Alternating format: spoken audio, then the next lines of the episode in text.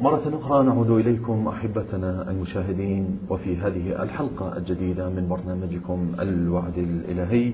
وكما قلنا ضيف عزيز هو سماحة الشيخ حسان سويدان العاملي. أهلا وسهلا بك سماحة الشيخ مرة ثانية الله. وإن شاء الله سوف إحنا يعني سوف ندخل في بحث آخر ومحور آخر من المحاور التي قد خضناها في الحلقة السابقة أو في الحلقات التي الحلقات التي تقدمت من هذا البحث. سمعت الشيخ في الحلقة السابقة كان الحديث حول البشارات القرآنية التي جاء بها نعم. الكتاب المقدس القرآن الكريم. وبقينا نحوم ونطوف حول سورة القدر. هذه السورة العظيمة الشريفة والتي توصلنا من خلال بعض الروايات ولعل الرواية التي رويت عن أحد الأئمة عليهم السلام في أن في جعل قضية الخصام أي خاصموا بسورة القدر كان محور الحديث حول هذه الآية بالذات. آه، قلنا أن هذه الآية الكريمة سورة القدر لا تختص بإمام دون إمام إنها تختص بجميع الأئمة من ناحية أنه تتنزل عليهم الملائكة إلى قضية المطاوعة وإلى الأمور الأخرى. اليوم سوف ندخل آه، في آية أخرى اخترناها من كتاب الله الخالد القرآن الكريم والمشاهد الكريم بالتأكيد هو يتابعنا دائما في قضية هذه الآيات. وهناك أنا متأكد وأعتقد أنتم متأكدون أيضا أن هناك مراجعة خاصة بعد البرنامج حول ما نتحدث به من آيات إن شاء الله. الكريمة. سمعت الشيخ لا أريد أن أطيل في مقدمتي هذه. آه، الآية الشريفة أعوذ بالله من الشيطان الرجيم. بسم الله الرحمن الرحيم. آه، سورة الحديد الآية 17 آه، اعلموا أن الله يحيي الأرض بعد موتها. قد بينا لكم الآيات لعلكم تعقلون. نعم. من خلال قراءتنا لهذه الآية هناك قضية واضحة جدا. الإحياء هنا إحياء للأرض. آه، سؤالنا يتحدث بهذا بهذا الإطار. ما هو هذا الإحياء؟ هل هو إحياء حسي أي للنبات بهذه الأمور أم أن الآية الكريمة تشير إلى إحياء آخر قد يكون خافيا عنه؟ بسم الله الرحمن الرحيم. الحمد لله رب العالمين وصلى الله على سيدنا ونبينا محمد وعلى آله الطيبين الطاهرين. اللهم صل على في البداية أتوجه إليكم بالتحية إلى الإخوة في فريق العمل الله يحفظكم شيخنا. آه، في قناة المعارف. التي هي اسم على مسمى. إن شاء الله كما تعالى. نلاحظها يوما بعد يوم. شكرا لك. ترتقي في نشر هذه المعارف الإسلامية الأصيلة والحق. الحمد لله. كما أتوجه بالتحية الخالصة العطرة إلى جميع الإخوة والأخوات المشاهدين. نحن لازلنا في هذه الحلقات نعم. التي آه، طالت صارت 14 حلقة. 14 لعله. مع البشارة الإلهية. البشارة القرآنية على وجه التحديد نعم. بالإمام صلوات الله وسلامه عليه بالإمام المهدي. من الآيات التي وجدت أنها ترتبط بالإمام المهدي صلوات الله وسلامه عليه لا أقل من خلال الروايات الشريفة عن أهل بيت النبوة صلوات الله وسلامه. عليهم. هي الآية التي تلوتموها الآية نعم. السابعة عشرة.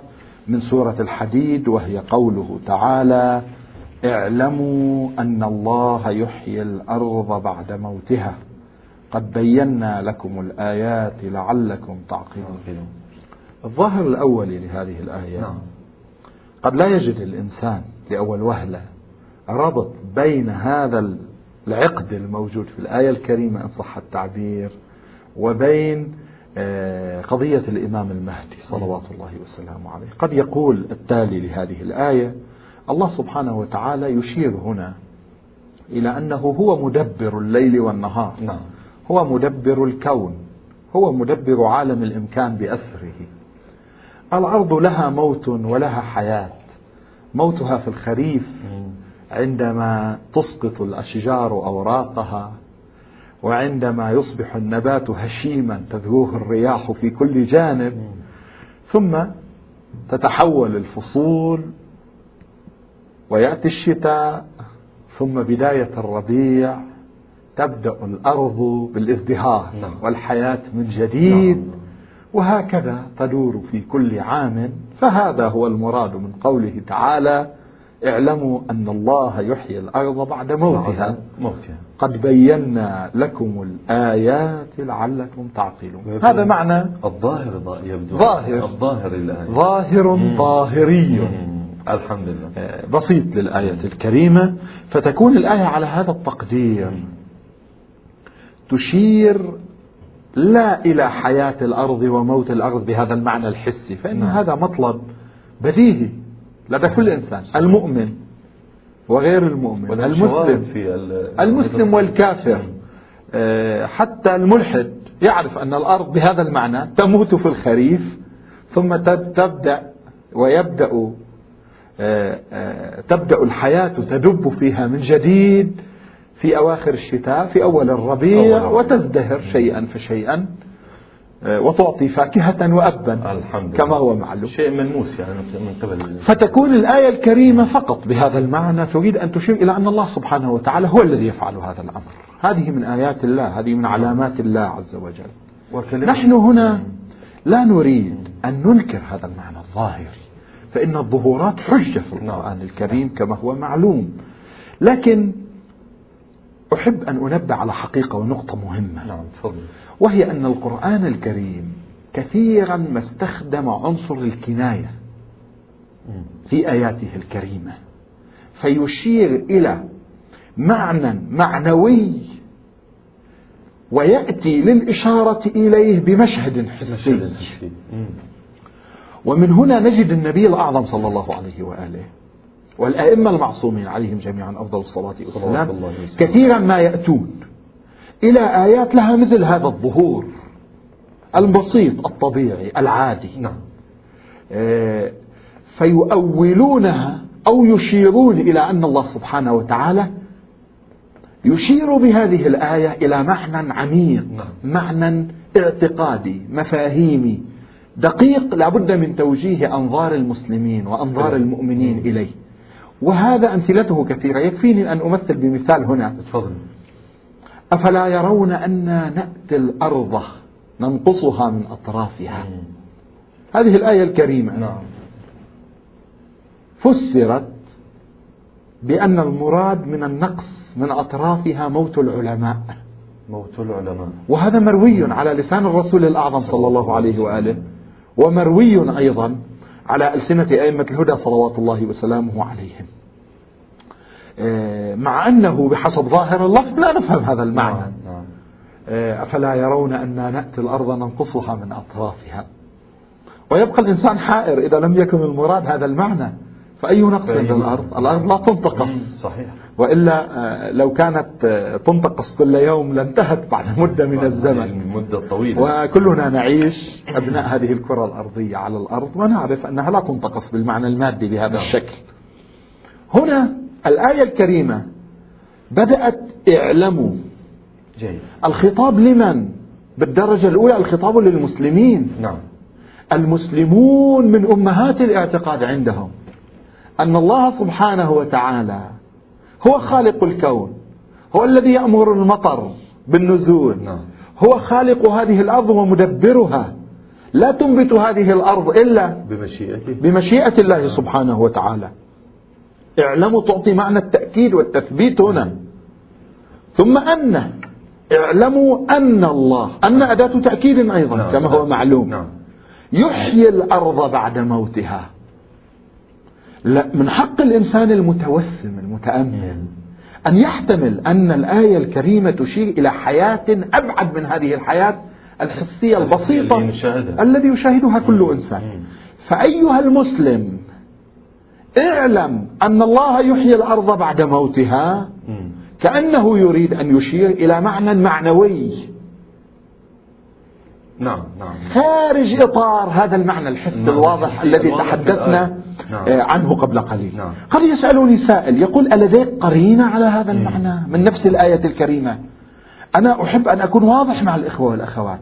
أنا لا أستطيع في هذه الآية على وجه التحديد أن أحتم معنى خاصا بخصوصه لحياة الأرض بعد موتها. أقول بدوا يحتمل أن يكون المعنى المتعارف هو المراد في المقام نعم. بدوا. نعم. ولكن من حقنا أن نتأمل أيضا وأن نقول اعلموا أيها المؤمنون أيها المسلمون أن أداة تأكيد مع أن هذا من البديهيات عندهم. لا يحتاج لا إلى اعلموا ولا يحتاج إلى قوله تعالى أن. أداة التأكيد. نعم. من هنا تعالى يحيي الأرض بعد موتها أحسنتم. نعم. من هنا نذهب إلى عقد الحياة وعقد الموت في الأرض. فنجد في آيات أخرى في روايات أخرى كثيرة تحدث عن حياة الأرض بالعدل على أساس شرع الله ودين الله وأن الأرض تحيا بشرع الله بدين الله بوجود العابد الخالص الذي لولاه لساخت الأرض بأهلها. الأرض السائخة هل يوجد فيها حياة؟ أم هي مضمحلة لا يبقى فيها شيء؟ نعم.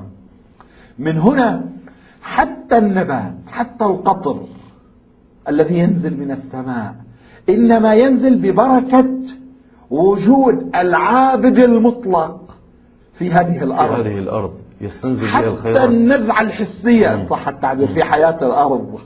المظهر الحسي نعم. أيضا لا يكون إلا ببركة وجود من بوجوده تعمر الأرض وتحيا الأرض. من هنا ورد في روايات كثيرة أن البقعة التي يعبد فيها الله تصبح مزارا للملائكة. ينزل عليها الرحمة من الله سبحانه وتعالى, وتعالى.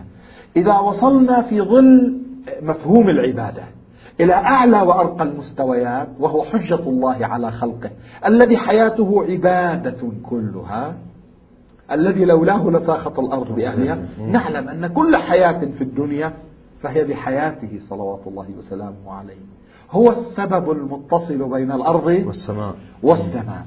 فمن حقنا أن نحتمل على أقل تقدير. نعم نعم. إن لم أقل نستقرب وأنا أستقرب هذا المعنى.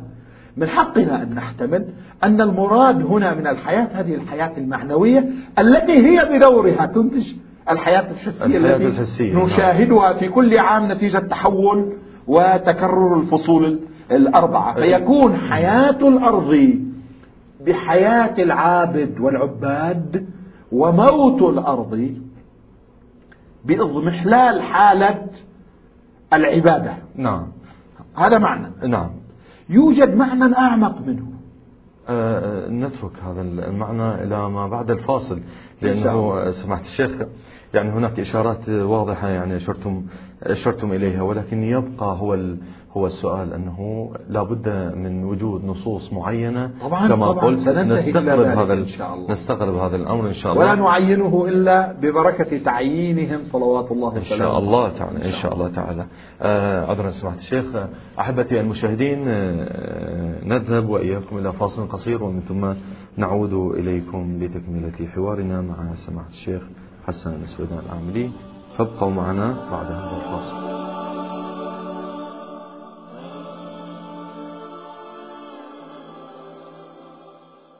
مرحبا بكم مرة أخرى أحبتي المشاهدين وفي هذه الحلقة من برنامجكم الوعد الإلهي آه، سمعت الشيخ قبل الفاصل دار الحديث حول هذه الآية الكريمة في سورة الحديد آه، آية 17 ومن خلال الكلام وخصوصا الفقرات الأخيرة من كلامكم. المتقدم يعني هناك استقراب من سماحتكم حول آه، أن قضية الأرض وأن هذا هذا الإحياء نستطيع أن نقول المعنوي وإلا نحن ابتعدنا نعم. عن الإحياء الحسي. لا يكون إلا بوجود حجة من الله سبحانه وتعالى. الذي لولاه لساخت نعم. الأرض بأهلها لولاه لساخت الأرض وهو الذي ينتج الحياة الحسية في الحقيقة. نعم. وجوده المبارك نعم. ينتج الحياة الكلام تتواصلون وياه وإلا ننتقل إلى موضوع آخر أو آه، في طيات حديثنا هذا. الكثير من المحاور موجودة. يوجد معنى أعمق نعم كنت أشير إليه ودهمنا الفاصل. المعنى الذي انتهينا إليه خلاصة نعم. أن المراد هنا يمكن أن يكون المراد من حياة الأرض بعد موتها الحياة بوجود حجة الله. نعم. أنا أقدر أن الآية تشير إلى معنى أبعد من هذا أبعد من هذا؟ نعم. جيد تفضل المعنى الأبعد من هذا أن حياة الأرض بحجة الله هي الحياة التكوينية مم. يعني لولاه لسخت الأرض بأهلها هذه حقيقة نعم. اعتقادية مسلمة عندنا في مدرسة أهل البيت عليهم السلام وأن كل خيرات الكون كل الحياة المادية في هذه ال ال ال ال الأرض آه، وجود القرآن وبقاء القرآن وجود آية القدر أو نعم. سورة القدر سورة القدر. ليلة القدر مم. وبقاؤها في هذه الأمة كله مرهون ببقاء ووجود الحج الحجة وهذا أشرنا إليه أو نعم. أضأنا عليه في الحلقة السابقة نعم نعم صحيح آه، هذا المستوى من الحياة من الواضح جدا أنه مستوى من مستويات الحياة في هذه الدنيا آه، لا يلازم عمارة الكون بأصره بعبادة الله مم. هذا المستوى من الحياة يكتفى فيه بوجود حجة الله نبي أو إمام معصوم نعم مع ثلة من المؤمنين آه، يعبدون الله حتى لو كان أكثر الكون فاسد فاسد. أكثر حكومات الكون غير عادلة أكثر الكون يعج بالظلم والظلام وهذا ما حصل بقاء هذا التكوين الخاص وهذا ما حصل نعم. بالفعل. أخي العزيز مم. إخوتي وأخواتي جميعا بالفعل الكون لا يزال منذ آه، ما بعد آدم على نبينا وآله عليه أفضل الصلاة نعم. والسلام. إلى يومك هذا. في اضطراب كامل الثلة القليلة من الأنبياء وأوصيائهم والثلة المؤمنة من الحواريين معهم هم في الكون قلة يسيرة وأكثر الكون أكثر أبناء الكون على خلاف السنة والسيرة نعم. والتشريع الإلهي. نعم. هذا المستوى من الحياة. مم. هذا المستوى من الحياة أخي العزيز الفاضل. أقدر أن الآية تشير إلى معنى أبعد منه. نعم المعنى. المراد الحياة الكاملة في الأرض. إن الله يحيي الأرض لا يحيي بقعة خاصة من بقاع الأرض. كل الأرض. كل الأرض. مم. فتصير الآية على وزان وأشرقت الأرض بنور ربها. ربها. تقدم حديث في بعض الحلقات نعم، نعم، السابقة نعم، حول نعم. هذه الآية ولو على سبيل الإشارة. نعم. فيصبح المعنى آه، أن الله يحيي الأرض بكاملها آه، بعد موتها. نعم. فيصدق أن الأرض ميتة حتى لو لم تكن سائخة بأهلها. حتى لو لم تكن مضمحلة. نعم. حتى لو كان فيها نبي ومعه ثلة من الصلحاء في السفينة كما حصل مع نوح. مع نوح. والطوفان يعج في الأرض. يمكن أن تحيا الأرض. ولكن هذا لا يعني حياة الأرض بالمعنى الصحيح والكامل للكلمة. حياة الأرض بالمعنى الصحيح والكامل للكلمة إنما يكون بحياة القلوب بعد موتها إنما يكون بإقامة حكم الله على هذه على الأرض هذه على الأرض. هذه البسيطة مم. مم. إنما يكون بانتشار توحيد الله ودين الله في المعمورة بكاملها لا بمعنى أن لا يبقى ولو أفراد قلائل منحرفون. نعم نعم. لا بمعنى أن الطابع العام على هذه الأرض يصبح حياة القلوب بالإسلام حياة القلوب بالإيمان حياة القلوب بالتفاعل مع الأنبياء وأوصياء ال- الأنبياء. الأنبياء. وهذا ما لم يحدث في الكون وكل أتباع الأديان. نعم. والمسلمون على وجه الخصوص ونحن في مدرسة أهل البيت على وجه الأخص نعم. نعتقد أنه سيكون في عصر المخلص الذي هو الإمام المهدي المنتظر الله. الإمام الثاني عشر من أئمة أهل البيت صلوات الله وسلامه الشيخ. عليه آه، معذرة طبعا نعم قبل أن تقاطعني نعم قد يقول قائل لا بأس بهذا التحليل. نحن نستحسنه. ولكن هذا ذهاب بعيدا بعيدا في الآية الكريمة الآية الكريمة تقول اعلموا أن الله يحيي الأرض بعد موتها قد بينا لكم الآيات لعلكم تعقلون. هذه هي الآية. نعم. فأنتم حللتم وانتقلتم من الحياة الحسية وهنا السؤال. إلى الحياة بمعنى أنه لولاه لساخت الأرض بأهلها إلى الحياة في أعلى درجاتها والتي لم تتحقق ولن ولن تتحقق إلا بعد خروجه صلوات الله وسلامه عليه وإقامة دولة العدل الإلهية. أنا أقول نعم أنا لا أحتم على أحد من نفسي. نعم.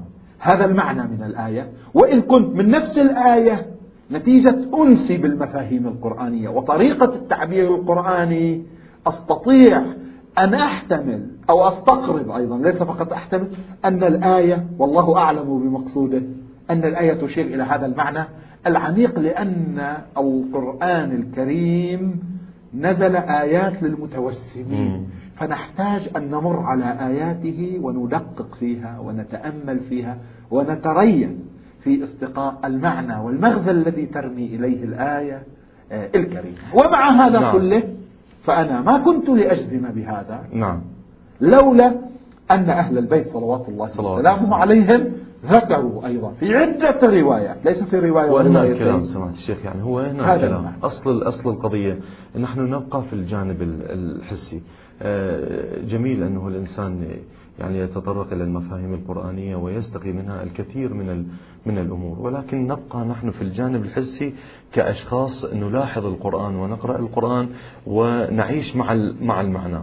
هذا السؤال وارد يعني أنه أي شخص استقربت آه، سماحة الشيخ في الحالة الأولى آه، قضية وجود الحجة ومن ثم استقربت معنى أكثر حاولت أن أمشي خطوة خطوة مع الإخوة إذن, إذن هنا سؤال. علني أقنعهم. إن شاء الله. هنا سؤال. وسأقتنع أنا وهم أكثر فأكثر عندما نقرأ رواياتهم صلى هذا السؤال يعني أنتم أشرتم إلى الروايات. هذا السؤال أحمله أنا وجميع المشاهدين أنه عندما تأتي الرواية الشريفة و وتسند هذا هذا الأمر آه، الكثير من القلوب سوف تهدأ. تبلسم نعم نعم إن شاء الله, الله. تفضلوا إذا كانت روايات شريفة نعم في هذا الروايات عديدة في هذا المجال. نعم. أنا أحاول أن أقرأ روايتين أو ثلاثة. حتى يتضح نعم تفضل. أكثر فأكثر. آه، الرواية الأولى هي الرواية المروية عن الإمام الباقر صلوات الله وسلامه عليه. صلوات الله. سلام بن المستنير يسأل الإمام الباقر في قول الله عز وجل اعلموا أن الله يحيي الأرض بعد موتها. في هذه الآية. نعم. نعم. قال عليه السلام يحييها الله عز وجل بالقائم عليه السلام بعد موتها. بعد موتها. موتها كفر أهلها. والكافر ميت. إذا الموت هنا في الرواية كفر أهلها. نعم. والكافر ميت. ميت. الآية واضحة بعد. نعم. الرواية واضحة أيضا.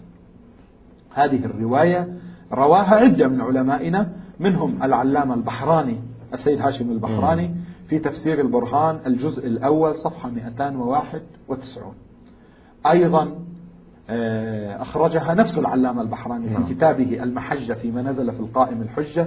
عجل الله تعالى فرجه الشريف صفحة 221 العلامة المجلسي في البحار الجزء 24 صفحة 325 الرواية الثانية من نعم. غيبة الشيخ الطوسي رحمه الله. رحمة الله عليه. صفحة 109 بسند ينتهي إلى ابن عباس عن ابن عباس.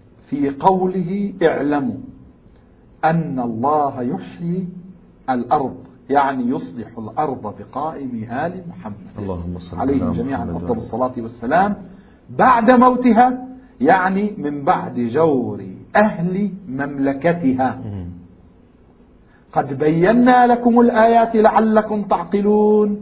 الآيات بقائم آل محمد لعلكم تعقلون.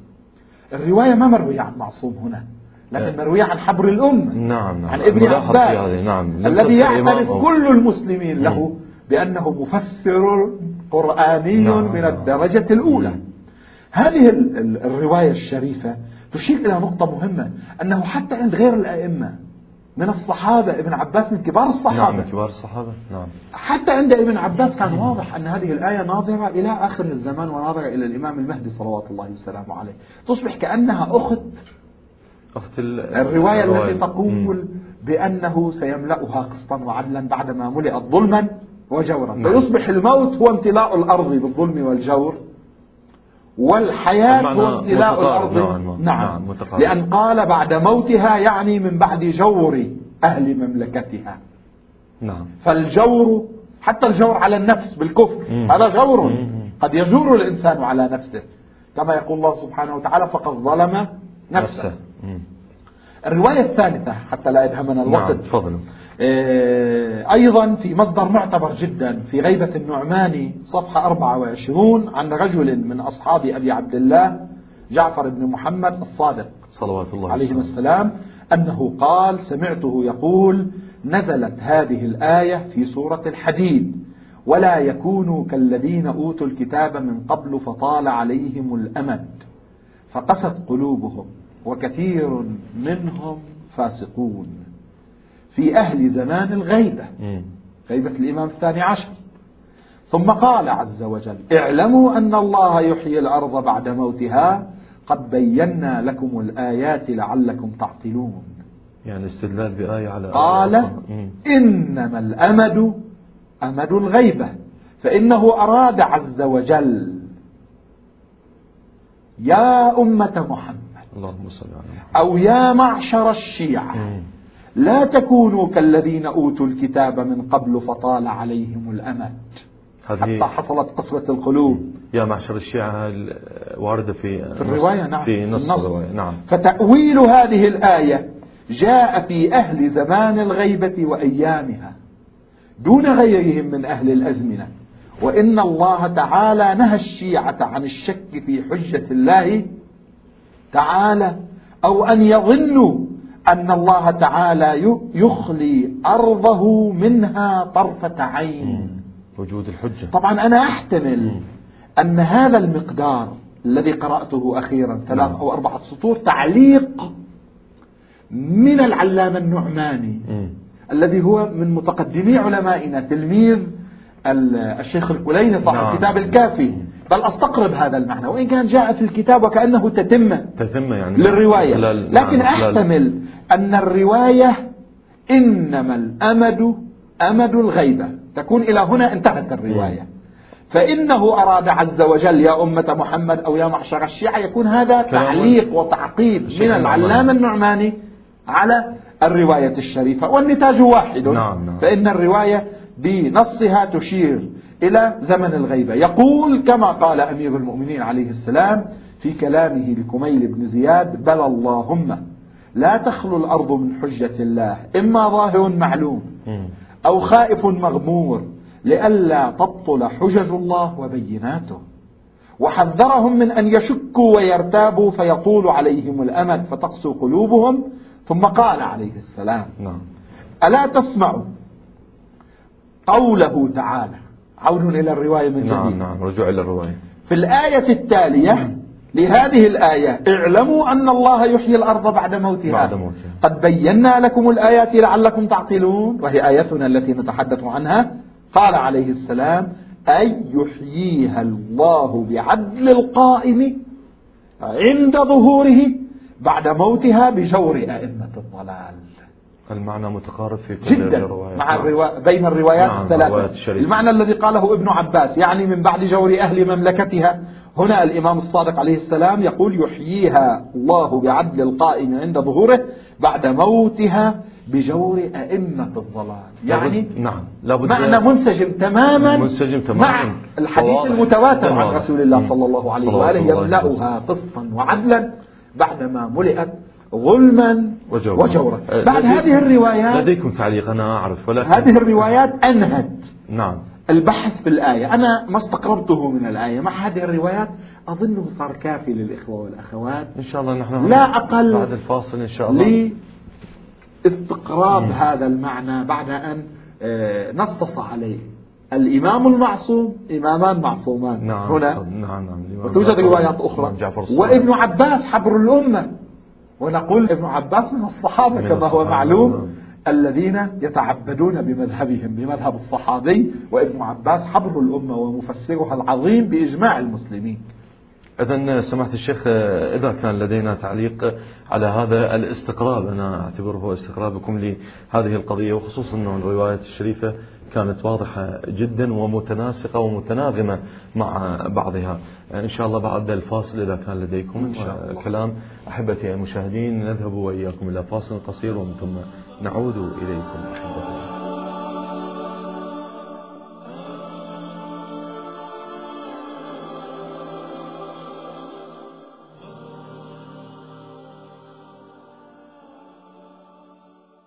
ها نحن نعود مرة أخرى أحبتي المشاهدين معكم ومع هذه الحلقة من برنامجكم الوعد الإلهي. آه، سماحة الشيخ آه، سويدان إحنا في نهاية الفاصل. يعني دائما وراء الروايات ننتظر كلامكم حول هذه الرواية. أنتم أشرتم في نهاية الفاصل يعني إلى بعض شيء من هذه الإشارات اللطيفة المحببة آه، إلى القلوب في قضية روايات أهل البيت صلوات الله عليه يعني نعم. أني آه، ما راح أستطيع أن أوضح للإخوة والأخوات المعنى الثمين الذي استظهرته من الآية وأشارت إليه الروايات ليش أعتذر من الإخوة لأن الحديث عن حياة الأرض نعم. وموت الأرض في آيات الكتاب الكريم وفي الكثير الكثير من روايات النبي الأعظم صلى الله عليه وآله والأئمة المعصومين عليهم السلام. صلوات الله وسلم وبعض كبار الصحابة كابن عباس وغيره كثر جدا عن الحياة المعنوية والموت المعنوي. م. عن موت القلوب وحياة القلوب. عن عمارة الأرض بالعدل والعدالة. وتأثيره أيضا على نظام التكوين. م.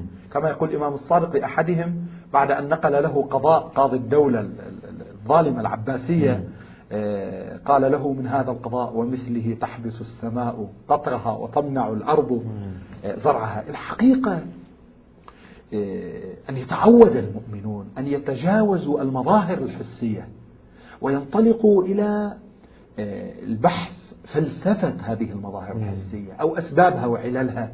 هذا أمر مهم جدا. مع المحافظة على الجانب الحسي طبعا طبعا. الجانب الحسي يبقى حسي لا يستطيع أحد أن ينكره نعم. ويتنكر له. لكن ربط الأمور بأسبابها. في منهج الروايات عن النبي والأئمة عليهم السلام خصوصا في التفسير للآيات الكريمة الكريمة كثيرا ما يشار إلى هذا المعنى. ينطلق من ظاهر بسيط مثل نعم. هذه. اعلموا أن الله يحيي الأرض بعد موتها. نعم. نعم. إلى ربطها بعللها وأسبابها.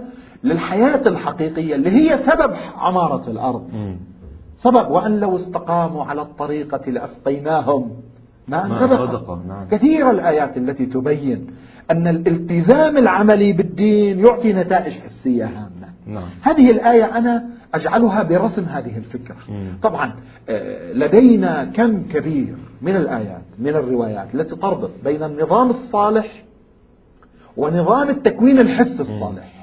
حتى الرحمات الإلهية مرهونة بهذا النظام الصالح. صحيح صحيح. عمل الأفراد أثره الصلاح المادي والمعنوي لهم. أيضا صلاح الأمم والمجتمعات له تأثير عظيم على إغداق الله سبحانه وتعالى النعم الحسية والمادية عليهم أيضا. وهذا آياته كثيرة رواياته كثيرة. لكن هذا بحاله برنامج مستقل قد يأخذ عدة حلقات. وإلا أنا أشرت للإخوة والحر تكفيه الإشارة. شاء الله. أشرت للإخوة والأخوات وهم أبناء هذه المدرسة الراقية في معارفها مدرسة أهل البيت عليهم السلام ويمر معهم في هذا البرنامج أو في برامج إخوة آخرين من العلماء في هذه الفضائية أو في فضائيات أخرى شذرات تؤكد وتؤيد هذا المعنى. الترابط بين النظام الصالح بين العمل الصالح وبين الآثار الحسية. رأيتم كيف حاولت أنا أن أستظهر من الآية وكيف أن الروايات كانت متصافقة نعم، متطابقة من المعصوم ومن الصحابي كابن عباس. على إبراز هذا المعنى بشكل دقيق, دقيق. وعميق وجيد بحيث آه، استطعنا أن ننتهي والحمد لله إلى ربط هذه الآية الكريمة بشكل واضح بالحياة العامة في هذه الأرض بالإيمان والتي ستنتج أيضا حياة عامرة بالمادة فإنه ورد وسيأتي في برنامجنا إن شاء الله, إن شاء الله. أن من معالم دولة الإمام المهدي صلوات الله وسلامه عليه رغد الحياة المادية سواء في ملذاتها الحسية أو في أموالها ونقودها حتى لا يبقى آه، فقير في هذا الكون ولا يبقى حتى إنسان ورد في الروايات أن من عليه الزكاة لا يعرف أين يوضع زكاته لأنه لا يوجد فقير يأخذ الزكاة ما شاء الله. في آه، دولة المهدي صلوات الله وسلامه والذي يكون متجسدا. وهذا المقدار بمقدار بشارة قرآنية من البشارات القرآنية. بالإمام صلوات الله وسلامه عليه هذا المقدار أدنه إلى هنا. يكفينا. إن شاء الله يكفينا إن شاء الله. والآية الشريفة اعلموا أن الله يحيي الأرض بعد موتها. قد بينا لكم الآيات لعلكم تعقلون. إن شاء الله أصحاب العقول يتنورون بكتاب الله الخالد وبهذه الآيات الشريفة المباركة. آه سمعت الشيخ آه نحن تعودنا في الفاصل الأخير واليوم. حق الإخوة والأخوات. آه حق الأخوة والأخوات. نعم, نعم, نعم. آه هناك سؤال باعتبار أننا وعدنا الإخوة بالرد على أسئلتهم. هناك سؤال يقول آه بهذا المعنى يعني آه لعله يكون بديهيا ولكن ولكنه أمر يشغل أو يشغل أذهان الكثيرين من الناس. إذا كان الإمام موجود كما نقر بذلك وهذه نظريتنا وهو حق. نعم وهو حق آه يقول السائل ما الفائدة من هذه الغيبة؟ يعني هذه الغيبة التي التي غاب فيها الإمام وهذا الحجاب الذي يحجبه عن عن لا نقول شيعته ولكن يحجبه عن الإنسانية جمعاء من أجل إصلاح فائدة الغيبة أو فائدة الإمام في الغيبة. فائدة الإمام في الغيبة. أصلا نعم. هذا السؤال يبدو أنه من خلال سؤال السائل يشير إلى هذا المعنى. فائدة الإمام في عصر الغيبة. كيف يستفاد من الإمام نعم نعم. هذا معنى جيد نعم. ومطروح حتى في الروايات. م. من زمن النبي الأعظم صلى الله عليه وسلم. بعد أن أخبر الصحابة والمسلمين أن الإمام ستكون له غيبة سئل عن هل يستفاد منه في غيبته؟ فأجاب النبي الأعظم صلى الله عليه وآله بكلمة تختصر مسافات طويلة. قال نعم كالشمس وإن جل لها السحاب ما أرقاه وأروعه من تمثيل. الشمس في هذه الحياة لها جوهر شكلي ترسل أشعة ويمتع الإنسان بصره بالنظر إليها نعم. وإلى أشعتها وإلى لونها الذهبي وإلى خيوطها الذهبية. لها مظهر جمالي إن صح التعبير خصوصا عند الغروب خصوصا من يعيش على سواحل البحار. مم. هذا المظهر الجمالي. لكن هل فائدة الشمس هي هذا؟ أما أن هذا بناء علوي شيء ظاهري شكلي للشمس؟ وأن الشمس فائدتها أعمق وأعمق وأعمق من هذا بكثير نعم. فهي التي بدورانها حول الأرض ودوران الأرض حول نفسها ودورانها حول نفسها يتولد الليل والنهار وتتولد الفصول الأربعة وتتبخر المياه من الأرض ثم تعود سحابا نعم. ثم في الشتاء ينزل مطرا مطر. ثم. تزدهر الأرض بالزرع نتيجة هذا المطر الذي يخفل وينزل كاملة. هذا كله من فائدة الشمس. يقول النبي الأعظم صلى الله عليه وآله أترون الشمس إذا جللها السحاب؟ تنتهي فائدتها؟ لا تنتهي. من الواضح. نعم. كل عاقل حتى لو لم يكن قد درس علم الأفلاك وتأثير الأفلاك. كل إنسان عادي حتى الإنسان الأمي حتى المخدرات في الحجال. نعم. تعرف أن الشمس بشروق الشمس صباحا حتى في الأيام الغائمة تماما. بالضباب. نعم. أن الشمس هي التي تبعث النهار. على أقل التقادير. نعم. وبطلوع النهار بعد يتحول الليل السكن إلى النهار معاشا كما تقول الآيات نعم. الكريمات والنهار بكل ما يحمل معه. فالرسول الأعظم صلى الله عليه وآله وسلم يريد أن يقول بوضوح بأن الإمام صلوات الله وسلامه عليه في غيبته كالشمس إن جل لها السحاب. كل خيراتكم كل أرزاقكم كل معنوياتكم كل حياتكم ببركة وجهه كل نفسكم. لولاه لساخت الأرض بأهلها. نعم نعم. لولاه لارتفع القرآن لولاه لارتفعت ليلة القدر لم يبقى شيء اضمحل الكون. نعم. فكل الخيرات ببركة وجوده. كما أن كل الخيرات الحسية والمادية أنتم ترونها ببركة هذه الشمس غاية الأمر. وأيضا الإمام كذلك. أنكم لا تمتعون بالنظر إلى وجهه الشريف وأنتم تعرفونه طبعا الكثيرون يرونه لكن لا يعرفون أنه الإمام. نعم.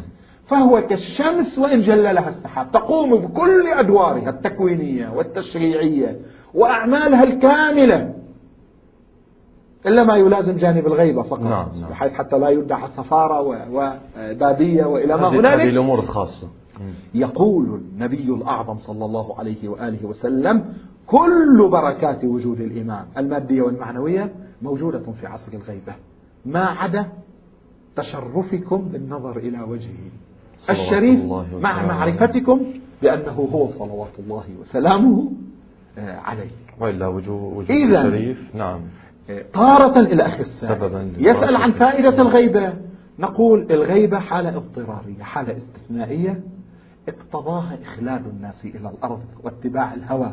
فكان أمرهم فرطا فاقتضى هذا أن يأمر الله سبحانه وتعالى وليه بأن يستتر إلى أن يأذن الله له بالخروج. وذلك عندما تمتلئ الأرض ظلما وجورا ليملأها قسطا وعدلا. إيه، فالسؤال عن فائدة الغيبة بهذا المعنى ليس دقيقا. الغيبة حالة استثنائية. حرمنا فيها من وجود الإمام وصرنا أيتام آل محمد عليهم جميعا أفضل الصلاة إيه، والسلام. أما السؤال الدقيق نعم. فائدة الإمام في غيبته, في غيبته. فقد رأينا وعرفنا من هذا التحليل الذي هو استفادة أو بعض الاستفادة. نعم. من كلامه صلى الله عليه وآله وسلم أن آه، كل خيرات الإمام كل فوائد الإمام باقية سوى الوصول بخدمته الشريفة طبعا هذه خسارة عظمى نعم. وعظمى جدا لكن معظم الفوائد باقية أفترى أن الإمام الكاظم عليه السلام ما كانت لإمامته فائدة وهو في السجن ثمان أو عشر أو أحد عشر أو ثلاثة عشر سنة على اختلاف قلنا, بها قلنا بهذا الأمر الكثير من فلتكن غيبة الإمام نعم شبيهة في سجن, سجن الإمام الكاظم صلوات الله وسلامه آه، عليه على أنه كان للأنبياء وبعض أوصياء الأنبياء غيبات. نعم لم تطل بهذا المستوى الذي طالت به غيبة الحجة حجة الحجج صلوات الله وسلامه عليه. صلوات الله ووصي الأوصياء عجل الله تعالى آه، فرجه الشريف. لكن الغيبة موجودة. آه، الغيبة لا تفقد الإمام إمامته. آه، لا تفقده الكثير الكثير من أدواره خصوصا في الجانب التكويني خصوصا عرض الأعمال عليه حتى في الجوانب التربوية أخي العزيز نعم. إذا أردنا أن نتوسع في الحديث نعم. حتى في الجوانب التربوية. الإمام تعرض عليه أعمالنا كل يوم اثنين وخميس كما ورد في عدة روايات صحاح هذا لا يفرق فيه بين عصر الحضور وعصر الغيبة. لا يفرق طبعا لا يفرق. بالتأكيد. وهناك جوانب مم. أخرى كثيرة. أظن أنه بهذا المقدار قد اتضح المقدار اللازم والشافي إن شاء والكافي إن شاء الله. فيما كلام يرتبط كلام واضح. السؤال. كلام واضح وكلام جميل سمعت الشيخ. وإن شاء الله نحن نتواصل دائما مع مشاهدينا الكرام. بأسئلتهم المحترمة. جزاكم الله خير الجزاء بالنسبة للمشاهد الكريم وأيضا بالنسبة إليكم. آه، يعني سمعت الشيخ هناك الكثير من الأمور سوف نتطرق إليها في حلقاتنا القادمة إن شاء الله تعالى. ونحن كما قلنا للمشاهد الكريم هناك بريد إلكتروني خاص بالبرنامج. نعم. البريد الإلكتروني الذي يعرض في أسفل الشاشة هو الوعد المعارف دوت كوم بهذا البريد نحن نستقبل رسائلكم الكريمة آه، لكل سؤال وكل قضية آه، تحاولون أن تطرحها على سماحة الشيخ. آه، أنا سأوصلها إليه. إن شاء الله وسنكون معكم دائما متواصلين. وأيضا مع سماحة الشيخ سماحة الشيخ شكرا جزيلا لكم في نهاية هذه الحلقة. أتقدم إليك بشكر خاص لمواصلتك معنا في هذا البرنامج إن شاء الله. ووفقكم الله وأشكركم أيضا بإتاحة هذه الفرصة الشكر للتواصل الروحي والمعنوي والفكري معكم ومع جميع الإخوة والأخوات المشاهدين. جزاك الله خير الجزاء. وخصوصا هكذا برنامج يخص إمامنا صاحب العصر صلوات الله صلوات الله في ظل رعايته إن شاء, إن شاء الله. تعالى. إن شاء الله إن شاء الله سنكون عنده حسن ظنه الشريف وأيضا عند حسن ظن المشاهد الكريم الذي يتابعنا من خلال هذه الشاشة. في ختام هذا البرنامج وهذه الحلقة أتقدم إليكم أحبتي المشاهدين بعد أن تقدمت بالشكر إلى سماحة الشيخ حسان سويدان العاملي الأستاذ في الحوزة العلمية وأشكركم الشكر الجزيل على حسن المتابعة والمشاهدة. هذا مقداد الخفاجي يحييكم نستودعكم الله والسلام عليكم ورحمة الله وبركاته.